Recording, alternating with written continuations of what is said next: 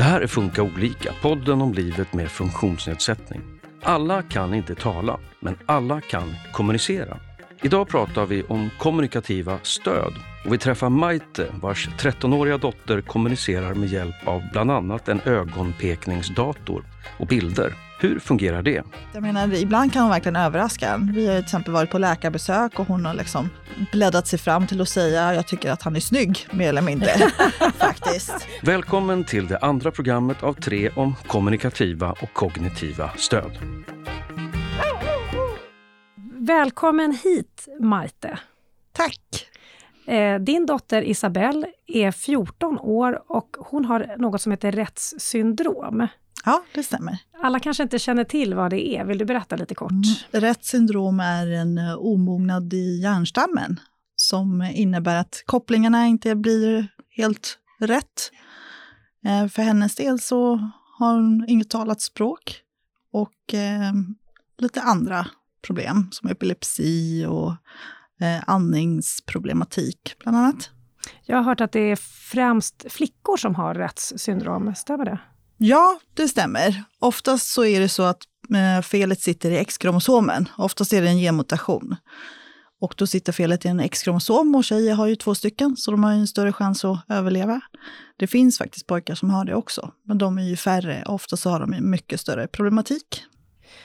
Och eh, du är också här med oss idag, Lena Lindberger. Ja. Logoped på Habiliteringens resurscenter, som är en del av Habilitering och hälsa i Stockholm. Och eh, du eh, träffar dagligen barn och föräldrar som behöver kommunikationsstöd. Absolut, det gör jag. Och jag heter Susanne Smedberg. Vi börjar med att ta reda på lite grann, eh, vad är kommunikativt stöd? Vad är det man behöver hjälp med när man använder sig av den typen av stöd? Ja, det är då olika hjälpmedel och metoder och förhållningssätt kan man säga som hjälper en person med kommunikativa svårigheter att förstå andras kommunikation och också att uttrycka sig själv. Det handlar både om att eh, själv uttrycka sig och att förstå andra ja, precis. Så det är liksom tvåvägshjälp som man kan behöva i olika grad. En del behöver då hjälp kanske bara med att uttrycka själv och förstår bra med sin hörsel och, och, och sin språkförståelse och sådär. Med, Medan andra behöver hjälp även med det. Eh, så det kan variera jättemycket och det där behöver man ju ta reda på. Vad är det som är de stora svårigheterna? Vad är det som eh, är eh, den här personens specifika svårigheter så att man skräddarsyr då det hjälpmedel eller den metod som man använder så att det passar personen bäst. Är det eh, några eh, speciella funktionsnedsättningar som skapar den här typen av behov? Eller? Eh? Jag skulle säga att mm, i princip alla, nästan alla habiliteringens målgrupper finns det personer som behöver kommunikativt stöd, fast på då som sagt designat på olika sätt. Eh, rörelsenedsättningsgruppen är en stor grupp. Eh, ASD, alltså autism, är en, också en jättestor grupp som behöver kommunikativt stöd, men även de andra, intellektuell funktionsnedsättning, förvärvad hjärnskada. Personer som behöver kommunikativt stöd finns i stor mängd i alla de här grupperna, skulle jag säga. Och eh, varför är det viktigt med den här typen av stöd? Eh, det handlar om att kunna ta makten över sitt eget liv. Att kunna uttrycka eh, vad man vill och hur man mår och hur man känner sig.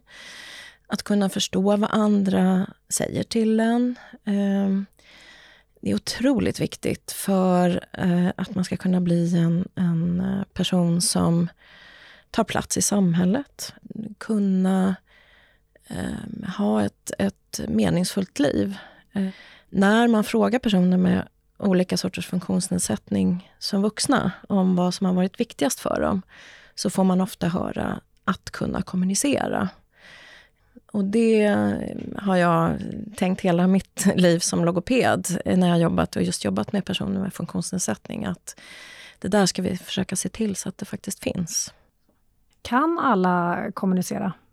Alla kan kommunicera. Alla kommunicerar, absolut. Det handlar bara om vilken nivå man är på, vilket sätt man kommunicerar på. Eh, det vet vi ju alla, vi som har stött på en liten bebis vet ju att de kommunicerar ju från den stund de kommer ur magen egentligen, eh, på olika sätt. Och sen utvecklas det på olika sätt så att man hamnar på olika ställen i kommunikationen. Hur avancerat och eller inte avancerat man kommunicerar. Men alla kommunicerar, absolut. Vänder jag mig till dig då, Maite. Din dotter och du tillsammans med henne använder sig av stöd för att kommunicera. Mm. Vill du berätta lite kort om henne? Eh, ja, Isabelle är idag 14 år och vi har eh, använt podd i cirka fem år ungefär. Eh, vad är podd för någonting? Kanske ska lämna till Lena, hon kan förklara bättre podd. Det är ett sätt att organisera ett ordförråd kan man enkelt säga. Och det kan då vara i pappersform eller på dator. Så. Och eh, Isabelle har ju båda varianterna. Mm. Och då så eh, har Isabelle ja, genom åren lärt sig att kommunicera helt enkelt med podden. Hon har ju inget talat språk. Hon säger enstaka ord, som typ mamma, pappa och täcke faktiskt. Och, eh, men vi har också använt oss av eh, stödtecken faktiskt. Det har de använt i förskolan redan från början. Eh, och det har också funkat ganska bra. Det är bara det att hon själv kan ju inte teckna. Men hon förstår ju. Och sen, som sagt, ja, gester, allt möjligt annat man använder i kommunikationen. Hur har de lärt eh, henne tecken då på förskolan? Eh, de har alltid använt, hon gick ju specialförskola och då använde de tecken som stöd. Så att de eh, hade talade och så använde de tecken liksom, som tillägg. Och ja, hon har lärt sig den vägen. Hur svarade hon då om hon inte kunde teckna tillbaka? Eh, med ögonen. Eh, hennes största kommunikationssätt är ju fortfarande ögonen. Eh, och eh, du sa att hon gick eh, specialförskola. När märkte ni att hon behövde hjälp med att kommunicera? Alltså, vi märkte det när hon var runt ett och ett halvt år. Eh, innan dess så talade hon faktiskt. Då hade hon lite ord och så vidare. Och sen eh, runt ett och ett halvt år så började hennes regression. Eh, hon slutade prata, men fortfarande så var hon ganska motoriskt aktiv, så då tänkte jag inte så mycket på det. Eh, och jag började se att det var svårt att kommunicera med henne överhuvudtaget. Det var svårt med ögonkontakt och så. Men Vad tänkte var... du då, då? Jag tänkte att hon... ja, jag kunde checka för alla rutor för autism rakt av. Eh, så var det. Men det tog ett tag innan omgivningen tyckte samma sak som jag. Så att eh, det tog ett tag innan folk upptäckte att det fanns problem helt enkelt. Och hon började eh, bli lite mer utåtagerande. Och då var det problem på dagis. Och då kom det fram. Ungefär kanske ja, ett halvår senare. Hon var runt två sådär. Och sen så fick jag igenom eh, en utredning och så fick hon diagnosen autism då, när hon var två och ett halvt år ungefär. Och vad hände när hon hade fått den diagnosen? Ja, inte så mycket faktiskt. Alltså vi fick ju lite stöd, men eh, jag tycker att det gick... Vi fick alldeles för lite stöd helt enkelt eh, under den tiden. Vad fick ni för typ av stöd? Vi fick någon kurs och det skulle liksom hjälpa en att hantera henne, men det var ju väldigt svårt för hon var ganska utåtagerande och hade svårt att, och, man hade svårt att kommunicera med henne helt enkelt. Eh, och hon var klart missnöjd eftersom hon inte kunde förmedla någonting. Sen så började vi träna IBT, intensiv beteendeterapi. Och eh, hon fick börja med PEX. Nu eh, stannar vi till här lite. Intensiv beteendeterapi, kort bara, hur går det till? Eh, det är att man hårdtränar med sina barn helt enkelt. Man eh, kanske ska lära dem att typ ge och ta saker och man upprepar samma moment många gånger i korta stunder och sen så belönar man. Det gick så där kan vi säga. Men vi körde på i alla fall. Eh, och då tränade de mycket på förskolan och hemma. Hur märkte de eh, någon skillnad på förskolan? För ni fortsatte ändå med det här ett tag. Nej, alltså, men vi hade ju också liksom problem med, med våra resurser på förskolan och problem med förskolan överhuvudtaget från början innan vi bytte till en specialförskola. Eh, och det var ju väldigt tydligt att den vanliga förskolan hade ju svårt eh, med att kunna hjälpa Isabelle helt enkelt och få rätt hjälp. Så ni körde på med den här uh, träningen, även om ja. det hände inte så mycket, men, men det var det ni hade fått i händerna så att säga? Precis, precis. Vi tänkte att vi får ge oss till tåls helt enkelt och köra på. Så vi körde på säkert i två år innan uh, vi insåg att det inte fungerade helt enkelt. Du nämnde också PEX. Ja. Använder ni det samtidigt då som ni eh, använder? Ja, precis. Det är ja. väl det som oftast används för barn med autism, PEX, eh, många gånger. Men eh, det funkade sådär. Och vad är PEX för någonting? PEX är en väldigt strukturerad eh, metod kan man säga för att eh, framförallt träna på en funktion som vi kan kalla för begära. Alltså att man begär saker och ting. Det passar ju också med den här IBT-behandlingen, tänker jag. Det här att man just får barn med autism att kunna rikta sig, att kunna Eh, fatta att kommunikation är bra för mig. Så. Och då, då liksom ägnar man sig åt den här, de här första kommunikativa funktionerna som små barn har, det vill säga att jag vill ha någonting. Så, så att det, det är liksom via den man jobbar. Tanken med PEX är att man sen ska komma vidare med andra eh, med såna funktioner också. Eh, att beskriva saker till exempel eller kommentera och så. PEX det står för Picture Exchange Communication System är det ganska allmängiltiga tecken då? Alltså nu tänker jag boll spontant och glass. Jag vet inte. ja, nej, det kan vara väldigt individanpassat. Så att man, man, tänker jag, försöker ta reda på men vad är motiverande för det här barnet då? Och så använder man en bild för det. Oftast är det bilder och det kan vara ett foto eller en ritad bild så, som man använder. Och så är det just att räcka över. Och sen ska man så småningom bygga på och bilda meningar med på en ramsa och sådär mycket av PEX går också ut på att man faktiskt så småningom, för de barn som klarar av det, ska kunna börja prata med PEX. Så att man också ska repetera det som man lägger och sådär. Men om jag förstår det rätt så fungerade det inte jättebra för din dotter? Nej, det gjorde det inte. Um, och hon tyckte att det var väldigt jobbigt och stressande uh, på slutet. Hon uh, blev ganska utåtagerande också där efter ett tag. För att det är just det här upprepning och man ska träna väldigt mycket och man ska få in de här timmarna liksom, som man ska träna. Eh, det passade henne inte alls. Eh, men vi kämpade på där ett tag tills eh, vi fick en väldigt bra logoped faktiskt som uppmärksammade hennes beteende och tyckte att det här stämmer inte riktigt med autism bara. Och då gick vi tillbaka till läkaren och ville få ett nytt, eh, en ny utredning helt enkelt. För hon sa att eventuellt så tyckte hon att det verkade som att hon hade rätt. Och så gick vi till läkaren och så visade det sig att hon hade det. Alltså egentligen är det rätt en klinisk diagnos. Det är ingen, men det gick att se i alla fall på hennes blodprover att hon hade rätt också. Eh, så då fick vi den diagnosen och det var ju ganska jobbigt. Eller det man såg, eller jag, jag visste ingenting om rätt. Och det man kunde läsa sig till, det var inte så himla kul direkt. Och så kollar man på nätet och så ser man de värsta fallen och så, så tittar man på Isabelle och tänker man så här, är det så här det ska bli? Så att, ja, det var jobbigt. Uh, hur uh, handskades ni med det? Fick ni någon information som lugnade då, eller vad, vad gjorde du med Nej. den här informationen? Nej, man fick faktiskt inte så mycket information.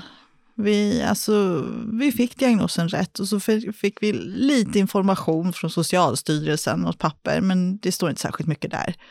Eh, och sen så fick vi lite information om att det fanns en förening, fick vi, men det tog vi nog inte in just då. Liksom, utan vi gick hem och googlade som alla gör, som man inte ska göra. För så är det, det gör man ju. Och eh, sen så tog det ett tag att smälta det hela tror jag. Eh, men alltså, hon var ju samma tjej som innan. Men vilken eh, inverkan hade just rätts på kommunikationen? För då förstod ni att ni, eller någon i alla fall, kunde hjälpa er vidare med att ni Nej, nej, vi fick ingen direkt hjälp så. Det fick vi faktiskt inte. Utan eh, då tänkte vi om helt enkelt. Eh, då hade vi kontakt med Banjan psykologcenter som hjälpte oss med IBT-träningen. Och då började vi tänka om när det kom till träningen, att vi ställde mindre krav och kanske fokuserade på andra saker och det blev bättre för Isabelle. Hon blev gladare helt enkelt. Och vi fokuserade ganska mycket på motoriken, så att hon skulle behålla den. Och kommunikationen, ah, ja, vi fortsatte med PEX faktiskt, men, men det var inte lika intensivt på samma sätt. Liksom. Vi såg ju också vilka svårigheter hon hade. Hon hade ju svårt att greppa ordentligt. När det kommer till PEX så måste man ju greppa bilderna och ge dem. Och där var det liksom, tog det lite stopp och sen så hade hon lite stereotyper. Hon höll på mycket med händerna och stoppade mycket i munnen och sånt där. Så att vi försökte jobba lite mer med sådana grejer. Men eh, hur kom ni in då? Hur kom ni vidare med just eh, att kommunicera tillsammans med Isabelle? Alltså, vi använde mycket ögonen, kroppsspråk, eh, lite stödtecken som sagt i skolan. Eh, men framför allt så förstod hon. Vi såg ju att hon förstod vad vi menade. Utan det var mest att hon hade svårt att förmedla vad hon ville och vad hon tyckte om det hela. Men man lär sig tyda henne, så var det ju. Så det var ju mycket att man lärde sig tyda henne helt enkelt. Och när fick ni eh, någon typ av professionell hjälp? Alltså det fick vi inte förrän vi sökte det. Och det var senare. Det var långt senare, efter att jag hade gått en eh, poddkurs faktiskt. Så då efter det så började det rulla på lite. För då tog vi hjälp av logoped och framförallt var det efter att vi hamnade på habiliteringen. Innan dess så tillhörde ju hon eh, autismcentret för småbarn. Och där var det svårt att få hjälp, tycker jag, upplevde jag det som. Eh, men hon fick ju också sin diagnos när hon var någonstans där sex år nästan. Eh, så det, det tror jag också bidrog till det hela. Är det här en vanlig situation som Marta beskriver? Jag skulle säga att, att just för personer med rätt syndrom så är det här tråkigt nog ganska vanligt. Att det dröjer innan man får rätt diagnos. Och det här, jag sitter här och tänker på just den här träningen och det här arbetssättet som man har med barn med autism, som är så bra för dem, det, jag skulle säga att det är precis tvärtom för barn med rätt. Eh, för att de har dyspraxi. Det innebär att man, att eh, man ofta vet eh, vad man ska göra rent motoriskt. Alltså att jag vet att jag ska greppa den här bilden, säger vi i Isabells fall. Då. Och hon vet att hon ska räcka över den till mamma för att få den här bullen eller vad, leksaken eller vad det är. Men kroppen lyder inte. Att det är liksom svårt med programmering och motoriska mönster. Att hjärnan klarar inte riktigt av att utföra det här. Att man kan ha en tanke och så blir den rörelse man utför blir precis tvärtom. och då att hålla på och liksom drilla och träna, det blir, det blir väldigt, som ni ju upptäckte med mm. IC, att det blir ju liksom kontra in, ja, det låter nästan alltså, plågsamt. Eh. Ja, alltså vi ska, ja, det, det, jag kan tänka så här att viss träning kan absolut vara jättebra. Men man måste verkligen ta hänsyn till det här att det kan vara väldigt lång eh, väntetid från att tanken uppstår i huvudet att jag ska göra någonting tills faktiskt kroppen klarar av att göra det. Och jag kan göra fel fyra gånger innan det blir rätt. Och det här är ju svårt om man då ska hålla sig till liksom, nu ska vi träna de här grejerna. Det blir för mig, låter liksom jobbigt. Eh, så. Nej men det är viktigt det här med dyspraxin, tänker jag. Att liksom ha med den som en parameter när man har Retts syndrom. Och det är den som jättemycket ställer till det i kommunikation och i allting annat också. Men jag tänker när Maite beskrev att eh, de fick den här diagnosen mm. rätt, eller Isabelle fick diagnosen rätt, så var det ändå inte självklart att få annan typ av hjälp, utan det kom sig lite av eh, på initiativ från familjen själv. Ja. Är det så det eh, Så här är det ju också att Rett syndrom är ju en eh, så kallad sällsynt diagnos. Eh, vilket är en sanning med modifikation, för det är ändå en ganska stor eh, liksom, grupp. Så, det är ingen pytteliten grupp. Det är inte så att det är bara några i Sverige, utan det finns ju eh, i Stockholmstrakten är det väl säga, något 80-tal eller 100, någonstans däremellan tror jag. Jag har inte exakta siffran. Men det är liksom lite för få för att det ska kunna byggas upp så jättemycket kunskap ute på habiliteringscentren till exempel. Så därför har vi, försöker vi att samla kunskap. Så att jag sitter med då i ett kunskapsteam om just Retts syndrom för att jag har träffat så pass många nu, tjejer med Retts syndrom för att de podd är då en metod som funkar väldigt bra med många av de här tjejerna. Inte alla, men många. När du då var på den här föreläsningen ja. om podd och du kände att ah, men det här vill jag pröva. Mm.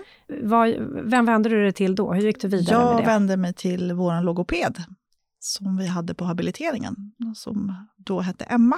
Ehm, och hon var på faktiskt. Hon, jättekul. Hon tyckte att ah, men det här ska vi prova, det gör vi. Det provar. Och så hon eh, tog kontakt med Stopp bland annat. Och så träffade vi Lena och så pratade vi lite igenom vad Isabells behov var och så vidare och var vi kunde tänkas börja någonstans. Och på, vägen, på den vägen är det. Så körde vi igång med podd. Liksom. Vi, var ganska, vi var ju ganska frustrerade då att vi inte hade något bra kommunikationsmedel. Vi kände att Isabelle behöver verkligen det. Eh, så att vi försökte pusha på lite för att det här skulle gå framåt. Och som tur var så, så gick det bra. Och hur gick det till då när ni började? Hur liksom såg det ut eh, konkret, det ni Ehm, började med? Konkret så är det ju en pärm med massa bilder och så är det en massa sidor och så bläddrar man liksom fram och tillbaka. Ehm, och vi började med att modellera för Isabelle. Så att vi beskrev någonting och så visade vi och, och, och pratade kring bilderna eh, och så vidare. Så att i början så fick hon ju hänga med på det vi sa mestadels. Och sen så efter det så eh, började vi tyda henne och, och hennes intressen. Men hon var ju jätteintresserad tyckte att det här verkar ju kul. Och så var det mycket bilder och det kände hon igen sen tidigare. För de har ju alltid kört bilder i skolan och på specialförskolan också. Ehm, så att många av de här bilderna är ju PEX-bilder vi har använt oss av. Eller boardmaker-bilder är det egentligen. Jag har förstått det som att det är flikar. Alltså, Ja, Ja. det. man, eh, Ja. Om jag till exempel har ont någonstans. Ja, då har vi en egen något? flik för att någonting är fel eller och så vidare. Så går man dit och så tittar man och sen så kan man liksom, eh, vad man gör oftast med flickor som har rätt syndrom, många kan ju inte använda händerna, nu kan Isabella använda händerna ibland, ibland inte. Det är att man skannar.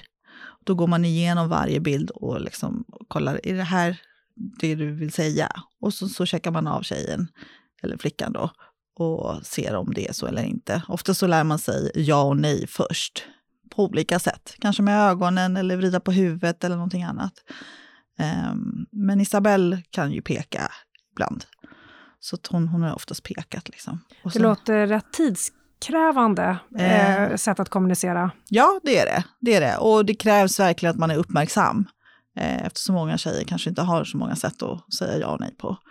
Och, och kanske visa intresse genom att blinka eller vad som helst. Så, så måste man vara uppmärksam. Men jag tänker just energinnivån, orkar hon alltid eh, Nej, det kommunicera? gör hon inte. Och då får man acceptera det. Då finns det andra kommunikationssätt. Kroppsspråk, miner, alltså allt möjligt som man använder sig av. Men när ni nu började att introducera podd, Mm. då i, i- början så var det ni som liksom lärde henne systemet, ni kommunicerade med henne. Men eh, hur märkte ni att det här funkar och vad, vad hände med henne? Vi märkte att det fanns ett intresse framför allt. Hon var jätteintresserad och tyckte att det var spännande och så vidare. Sen att hon själv tog initiativ till det hela, det tog ganska lång tid. Eh, så man får nog vara ganska uthållig och eh, köra på. Liksom. Men hon tyckte det var kul. Hon, hon blev glad när hon såg poddboken och tyckte det var intressant och så vidare. Så, att, eh, så vi körde ju på helt Minns enkelt. du när hon eh, själv kommunicerade Nej. via podd? Nej, men det tog ett tag. Eh, det tog, kanske, tog säkert ett par månader innan hon själv liksom tog initiativ till det hela. Men hon tyckte alltid att det var intressant när man tog fram poddboken. Eh, och eh, på vilken nivå kan hon kommunicera idag? Jag skulle säga att det är någon slags basic-nivå ändå fortfarande. Det beror på helt och hållet. Jag menar, ibland kan hon verkligen överraska en. Vi har ju till exempel varit på läkarbesök och hon har liksom bläddrat sig fram till att säga jag tycker att han är snygg, mer eller mindre. faktiskt. Så att, eh, Till läkaren då? Ja, ja och så sa hon jag tycker om dig, sa hon till honom flera gånger om. Och både vi och läkaren sa, jaha, okej, då vet vi det. Det var väldigt oväntat. Så att ibland är det väldigt så specifikt. Hon har sagt så här, att hon hade ont någon gång och ville gå till tandläkaren och så vidare. Men ofta så är det, kan hon kommunicera, ja men jag är hungrig eller jag vill göra det. Eller eh, jag har ont någonstans, eller jag är glad, eller jag är ledsen. Mer ja, det vanliga liksom, som man behöver i vardagen. Tycker hon själv att det är okej eller eh, finns det liksom frustration i henne att hon... eh, Ja, det finns frustration. Alltså, det är väldigt viktigt att eh, hennes partner eh, i kommunikationen är med. Hon blir otroligt frustrerad om man håller på med papperspodden och det är någon som inte riktigt kan den och då tappar hon ju fokus totalt. Så att eh, där funkar ju ögonpekningsdatorn bättre. För att då kan hon själv liksom reglera med hastigheten och hon kan, det går snabbare helt enkelt. Och sen är det här med arbetsminnet, hennes arbetsminne är ju inte eh, jättebra alltid. Och hon blir ju trött efter ett tag. Den här ögonpekningsdatorn, är det en stor apparat eller eh, är det som en... Den är ganska stor. Ja, den är ganska stor. Vi har en modell som är som en, ja, som en liten dator kan man säga. Och det, det som är bra med den, är att hon själv kan använda sig av den. Liksom. Eh, det som är mindre bra, det är att man behöver, eh, hon behöver ju använda ögonen för att styra den. Och då måste den vara inställd på hennes ögon och du måste, hon måste nästan sitta ner för att kunna använda den ordentligt. Men hon har med sig den när hon eh, Hon har med sig den i skolan. De använder den i skolan och de är flera stycken som har ögonpekningsdator i skolan. Så att ibland har de en så kallad ögonpekningsdator-poddgrupp till och med. Lena, det finns ju många andra typer av eh, kommunikativt stöd Mm. än de Majta har pratat om. Mm. Är det några som är extra vanliga som är värda att nämna? Ja, alltså det finns ju ett samlingsbegrepp för det här med kommunikativt stöd kan man säga. Just när det kommer till personer som då har problem med eh, funktionellt tal, eller alltså talat språk. Så. Eh, och det är alternativ eller kompletterande kommunikation. AKK förkortar vi det. Eh, och det kan ju vara så att det är ett alternativ som i, i eh, Isabells fall så är ju hennes AKK, hennes kommunikativa stöd, det är ju ett alternativ till det talade språket. I och med att hon har så pass få ord som hon säger. Men sen finns det ju sådana som pratar lite grann och som då har det mer som ett komplement. Och det finns som sagt en massa olika metoder och hjälpmedel. Ett som är väldigt vanligt och som också då Isabelle hade, eller fortfarande har, det är ju tecken som stöd eller tecken som AKK. Eh, som är det vanligaste faktiskt AKK-sättet i Sverige idag. Nackdelen med, med tecken som AKK det är att den du pratar med om också måste kunna. Bild är ju lättare att liksom läsa av och man, det står också alltid text på bilderna när man använder det. Så det är liksom lättare för vem som helst att kommunicera med någon som använder bild som kommunikativt stöd. Podd är ju en metod, PEX pratade vi om förut. Också väldigt vanligt, eh, PEX alltså. Och podd är någonting som kommer väldigt mycket och som vi som jobbar med det ser ju att det funkar väldigt bra på många olika diagnoser. Och om man tänker som i Isabells fall och i många andras fall där man börjar kanske med PEX och med den här begära som grundfunktion och så med podden bygger man då på med andra funktioner som du beskrev så bra Majte, det här med att hon talar om om hon är ledsen eller, eller vad hon känner, vad hon tycker om saker och ting, om någonting är fel.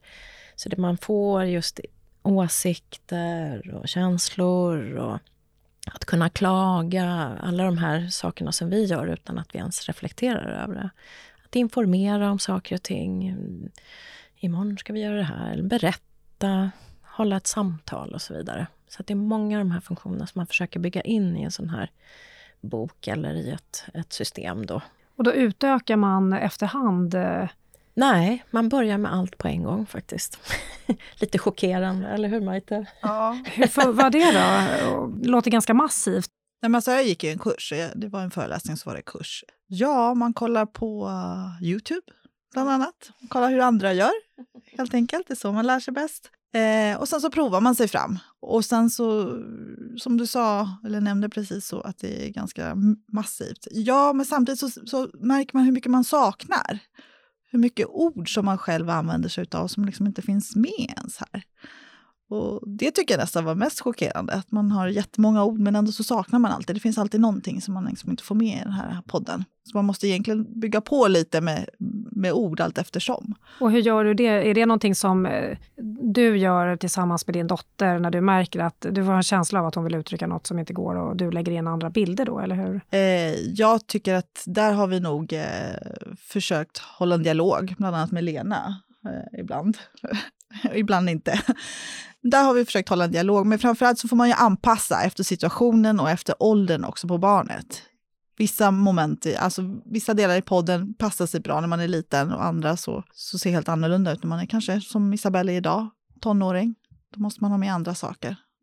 Och eh, jag tänker när du eh, då, Lena, tillsammans med en förälder börjar jobba med det här, vad gör du med föräldrarna? Vad, vad säger du till dem? Då har vi, just när det gäller podd och även när det gäller andra AKK-sätt, så, så måste man ju som eh, kommunikationspartner då, i i det här fallet då föräldrarna, lära sig att använda det här. Det är ju samma om man ska använda tecken som stöd, att då måste man lära sig tecken.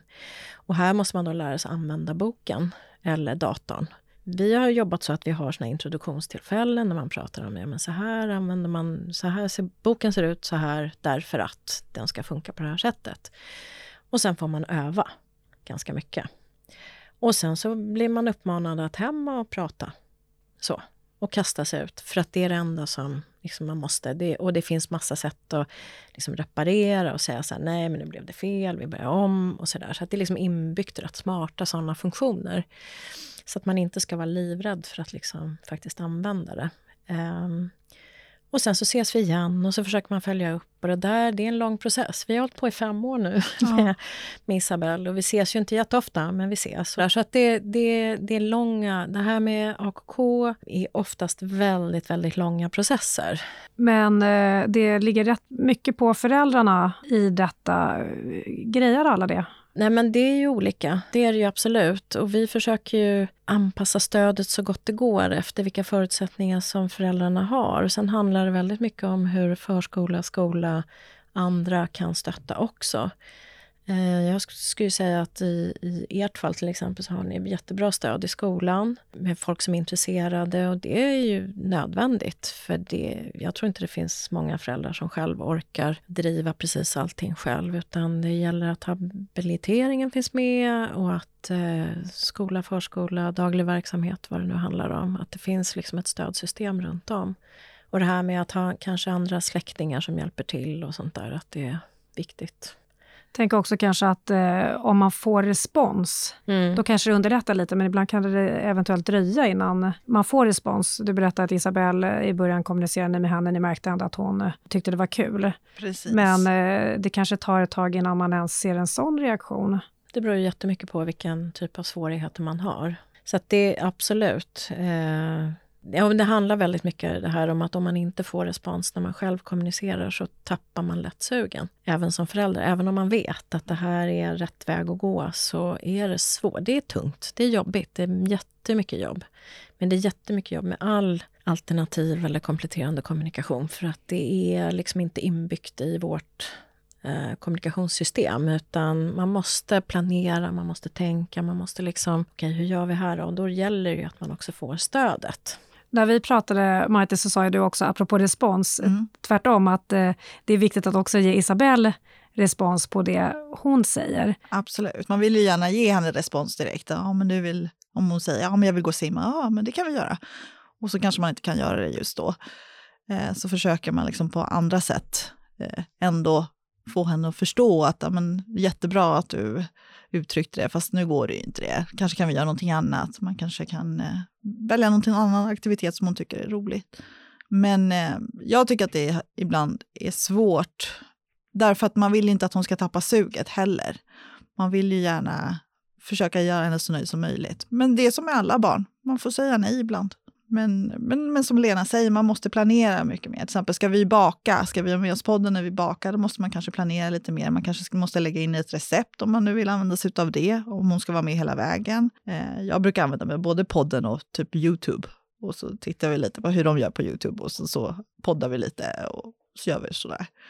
Men eh, man måste planera. Och samma sak när andra ska kommunicera med henne. För det kan ju dröja. Hon kan ju komma med ett svar, men det kanske dröjer två minuter. Kanske dröjer fem minuter innan hon svarar. Hur funkar det då?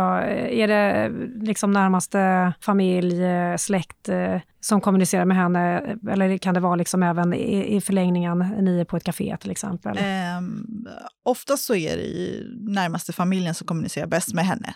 För vi kan tolka henne bäst och vi vet eh, Eh, när man måste vänta. Eh, är man på ett café så kan det vara svårare. Eh, hon skulle säkert kunna säga beställa någonting, men det gäller ju också att den andra personen är uppmärksam och har tålamodet att vänta. Och tyvärr så ser det inte ut så i vårt samhälle idag. Allting ska ske snabbt, snabbt, snabbt. Så att det, det, det blir svårt för henne då. Hur långt kommer man med den här typen av kommunikationsstöd i förhållande till omgivningen till exempel? Jag tänker så här, när, när just den här situationen att vara ute så där i en sån miljö, där tror jag att det skulle hjälpa, eller vara otroligt mycket mer effektivt om man har ett hjälpmedel som pratar många gånger, än att man ba, liksom bara har bilder. För att då, då handlar det om att den personen då som står där i kaféet eller någonting och ska ta emot beställningen måste liksom fatta att jaha, nu ska jag titta på en bild istället. Hör man istället en röst så är det liksom lättare, att det är mer accepterat på något sätt. Så, så det gäller ju att hitta, liksom, ja men vad är det för hjälpmedel som funkar i den här situationen och vad funkar i en annan situation. Så det är också någonting man måste ta in ganska mycket. Hur självständig kan man bli med hjälp av kommunikationsstöd? Och det handlar ju jättemycket om personen. Vilka saker är faktiskt det man behöver stödet till? Vi brukar försöka prata om, inte så mycket självständighet, utan autonomi. Att man i kommunikationen är autonom. Att det är i ert fall då Isabells tankar och vilja och åsikter och så vidare som blir uttryckta. Sen om hon pekar med handen själv eller om Maite hjälper henne att skanna och hon visar så, då kanske man kan tycka att man inte är så fysiskt självständig. Men det är ju, man är ju autonom i så mått att det är ens eh, kommunikation som kommer fram. Och det här är väldigt viktigt, att man får inte hänga upp sig på att man måste vara fysiskt självständig. Att jag måste kunna ta fram mitt hjälpmedel själv. Jag måste kunna bläddra mig fram till. I en sån här poddbok är det väldigt få som bläddrar själva. Utan då hjälper man, de visar vilken sida de vill gå till och jag hjälper till att bläddra. I datorn blir man ju då mer, mycket mer själv, självständig rent fysiskt. För där pekar ju då Isabelle med ögonen på rätt bild och så hoppar den direkt automatiskt över. Så att då, blir det, då blir man mer självständig där.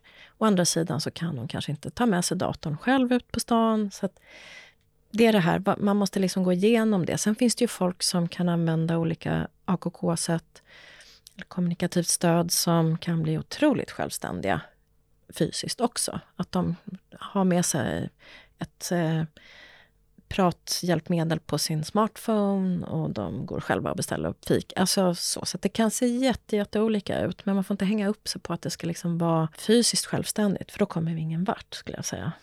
Jag tänker vi ska börja avrunda lite grann nu. Och eh, Maite, utifrån där ni är nu, du och Isabelle, eh, vad tänker du framåt eh, för hennes del med kommunikationen?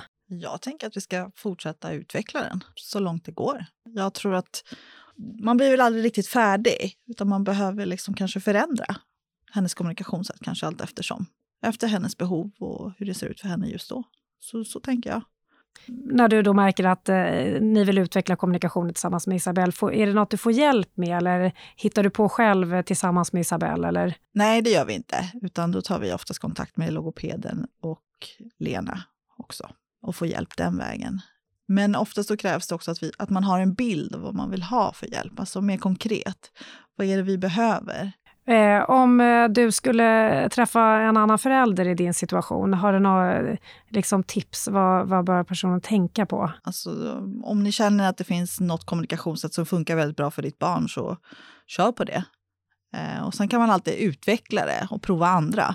Men framför allt ska man lyssna på sig själv. Man känner ofta sitt barn bäst, skulle jag vilja säga.